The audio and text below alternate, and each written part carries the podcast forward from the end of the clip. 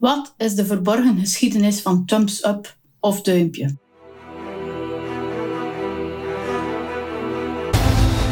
Welkom bij Niets is wat het lijkt, een podcast over de verborgen wereld waarover je niet geleerd hebt op school. Over mysteries, oude verhalen, taal en merkwaardige toevalligheden.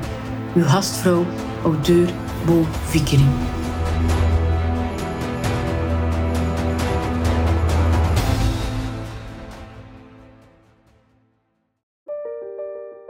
Waarover maak je een eerste podcastaflevering? Dat was een vraag die mij al enkele weken kwelde. Want je wil natuurlijk een goede indruk maken. Bovendien moet de inhoud van de podcast toch een beetje stroken met hetgeen je schrijft als schrijver in je boeken. Maar toen dacht ik, weet je wat, ik zal het hebben over iets wat de mensen altijd leuk vinden, namelijk een speciaal lichamelijk kenmerk. Mensen zijn nieuwsgierig, dus dat zal wel iets zijn dat hen interesseert. Want ik heb namelijk een stevige duim. Jawel, ik like 24 uur op 24 alles. Ik heb ooit willen de kat van mijn moeder redden omdat ik dacht dat ik mega Mindy was. Niet dus, want als dank kreeg ik een beet in mijn gewricht waardoor mijn duim nu altijd rechtop staat. En ik heb dit ook gebruikt als logo, want ja, ik ben een schrijver met een logo. Een rechtopstaande duim met een verbandje aan. Maar zo is het leven uiteindelijk. Positief blijven ondanks alles wat je tegenkomt. Maar ik vroeg mij af: thumbs up, duimpje. Wij gebruiken dit nu als wij iets leuk vinden. Maar is dat wel altijd zo geweest? Nu hoor ik jullie denken, maar het zijn toch de Romeinen die dit gebaar geïntroduceerd hebben bij de gladiatorspelen? Ja, je zou dat denken. Want de meeste van jullie denken wellicht dat een duim omhoog betekent dat de gladiator mocht blijven leven en een duim omlaag dat hij moest sterven. Maar wij zijn verkeerd. Zoals altijd in de geschiedenis betekenen symbolen soms iets totaal anders dan wij denken. En de vergissing komt wellicht door een schilderij, Police Verso of Omgekeerde Duim van Jean-Louis Jérôme uit 1872, waarbij het publiek zijn duim omlaag houdt. Dit schilderij heeft overigens als inspiratie gediend voor Ridley Scott, de regisseur van Gladiator. In werkelijkheid betekende thumbs up de doodstraf voor de gladiator. Als het publiek de duim omhoog stak, werd de gladiator geëxecuteerd. Als het publiek de duim in hun vuist hield, dus niet omlaag, niet omhoog, dan werd het leven van de gladiator gespaard. Misschien moet je daar eens aan denken als je nog eens iets liked op Facebook. Want uiteindelijk doen wij op Facebook niets anders als toen wij in de Romein waren. Je weet wel, na een avondje uit, naar de cinema of naar een gladiatorspel, een duimpje geven aan iemand omdat je het leuk vond. Maar misschien is de opgestoken duim nog ouder. In Frankrijk en Bretagne is er een granieten beeld gevonden met een grote opgestoken duimen, daterend uit de ijzertijd. Dit zou een duim van de ziener geweest zijn uit de Keltische cultuur. En op sommige Bretonse munten zijn woeste godinnen afgebeeld als wagenmenners die teugels vasthouden met opgestoken duimen. In de middeleeuwen werd de duim dan weer gebruikt om de juiste afstand van hun handboog te meten. En een duim betekende dat alles in orde was en de strijd mocht beginnen. Zouden we dat bedoelen als we iets liken op Facebook, dat de strijd mag beginnen? Volgens het boek Gestures, Their Origins and Distribution van Desmond Morris komt het gebaar van middeleeuwse handelaars die een deal sluiten. Ze bezegelden de deal door aan hun duim te likken en de duimen tegen elkaar te drukken. En de betekenis was: een deal is gesloten. Hopelijk deden ze dat niet tijdens de pest en het is ook geen methode om een deal te sluiten die ik je nu vandaag zou aanraden met corona. Het doet mij overigens denken aan een speekselmedaille tijdens mijn kindertijd. Je weet wel, likken aan een duim waarbij de duim tegen je borst werd gedrukt als teken dat je iets goed had gedaan. Ook weer iets dat we best niet meer zouden doen. Eventjes terzijde. Op mijn website www.bovickery.eu kan je de afbeeldingen van de schilderijen zien en van de beelden die ik hier vermeld in deze podcast. Er bestaat ook een schilderij De Lunch van Diego Velázquez dat in het Hermitage Museum in Sint-Petersburg hangt, waarbij personen tijdens de maaltijd hun duim omhoog steken. Ze zullen wellicht lekker gegeten hebben, denk ik dan. En ook op de boeg van oude schepen kom je zelfs thumbs up tegen. Tijdens Wereldoorlog 2 gebruikten de piloten thumbs up om aan te tonen aan het grondspersoneel dat alles in orde was om te kunnen vertrekken met hun vliegtuig. Klaar voor take-off. Vandaar misschien dat ik een eerste podcastaflevering maak over thumbs up of duimpje. En bij duikers betekent de duim omhoog dat het tijd is om terug naar de oppervlakte te zwemmen, weg uit de donkere zee en boven water komen. Dat is iets wat ik nu ook wel doe met deze podcast, boven water komen. Iedereen kent natuurlijk het gebaar van autolifters die hun duim omhoog steken om een ritje te kunnen meemaken. Maar let op, in Griekenland, Sardinië of het Midden-Oosten, want daar is thumbs up of een duimpje omhoog een belediging. Geen lift in dat geval, maar problemen. En uit mijn kindertijd herinner ik mij nog de televisieserie Happy Days, waarin de Fons altijd dit gebaar deed. Kan je nagaan hoe oud ik ben? In Amerika staat thumbs up dan ook gelijk met het cijfer 10. En we kennen natuurlijk allemaal de betekenis van het emoticon thumbs up of duimpje, want we geven dagelijks duimpjes aan mensen op het internet. Overigens, je mag altijd een duimpje geven bij deze podcast of op mijn Facebookpagina Bovikeri of Instagram Bovikeri13. Maar ik vraag me nu af, wat is de boodschap van thumbs up?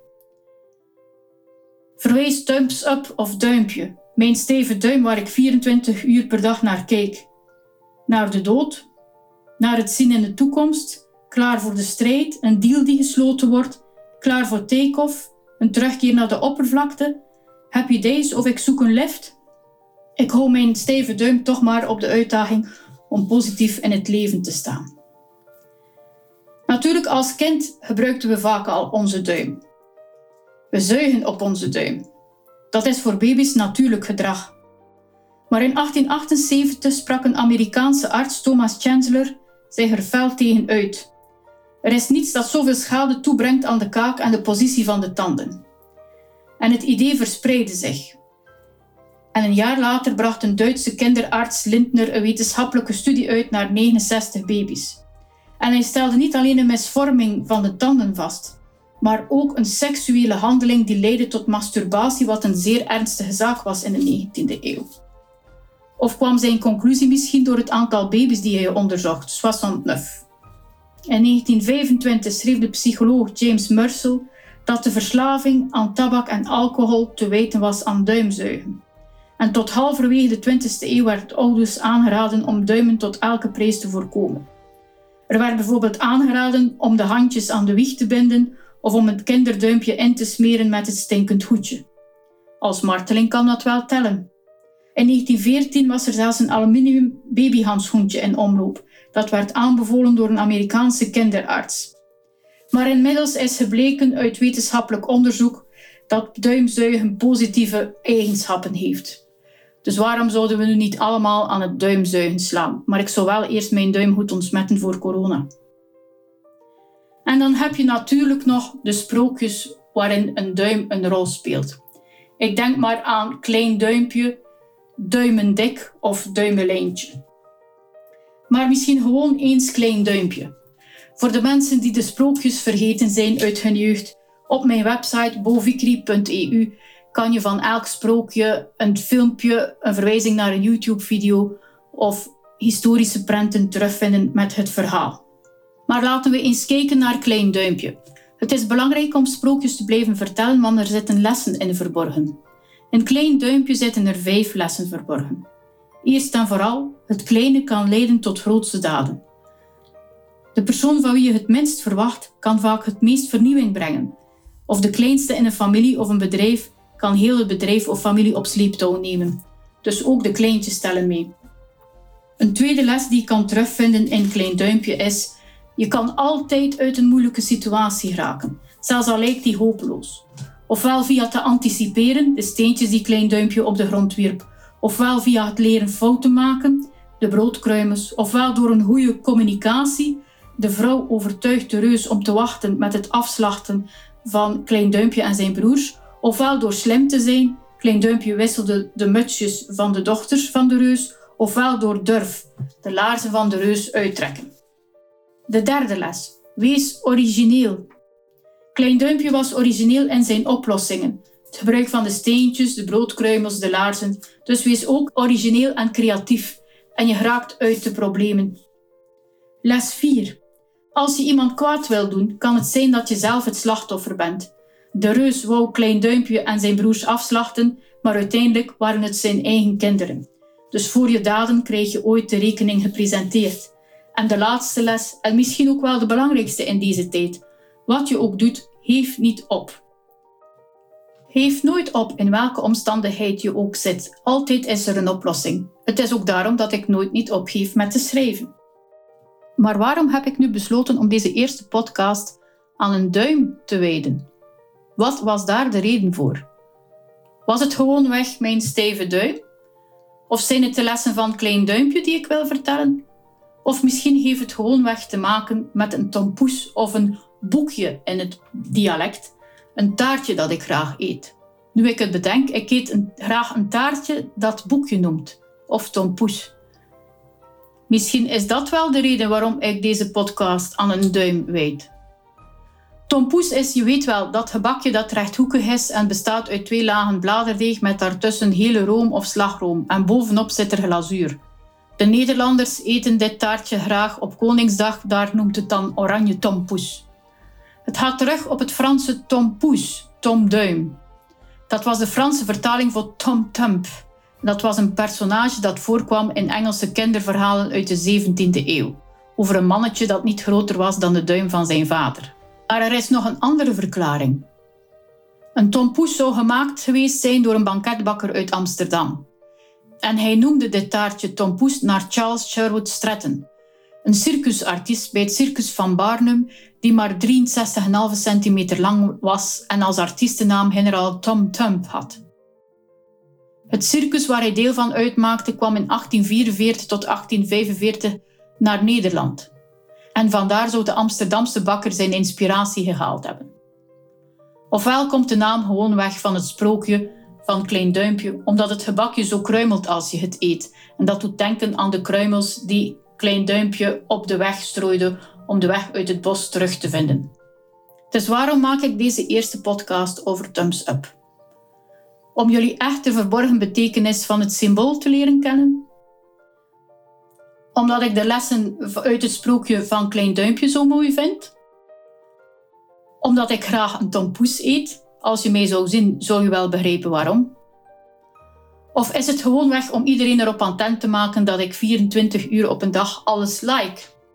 Overigens, wie mijn duim wil inhuren, je kan dit altijd doen voor een fors bedrag. Maar nee, deze eerste podcast is gewoonweg om jullie erop attent te maken dat Bovikri bestaat als schrijver, leuke boeken schrijft, een mooie podcast heeft en dat je deze podcast kan liken, net zoals mijn Facebookpagina of Instagram-account. Een podcast met voorbedachte raden dus.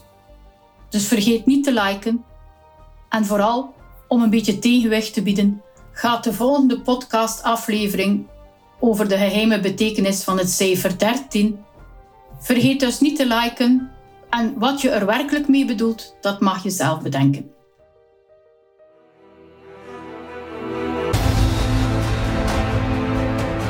Bedankt om deze week te luisteren naar Niets is wat het lijkt. Ben je op zoek naar meer? Bezoek dan mijn website bovikri.eu. Hier kan je mijn boeken bestellen en kan je inschrijven op mijn nieuwsbrief My Secret Tips. Abonneer je op deze podcast, zodat je geen enkele aflevering mist. En terwijl je dit doet, vergeet niet deze podcast te delen en vertel het aan je familie en vrienden. Want je zou toch niet willen dat zij de wereld niet leren kennen zoals ze is, maar enkel zoals die lijkt te zijn.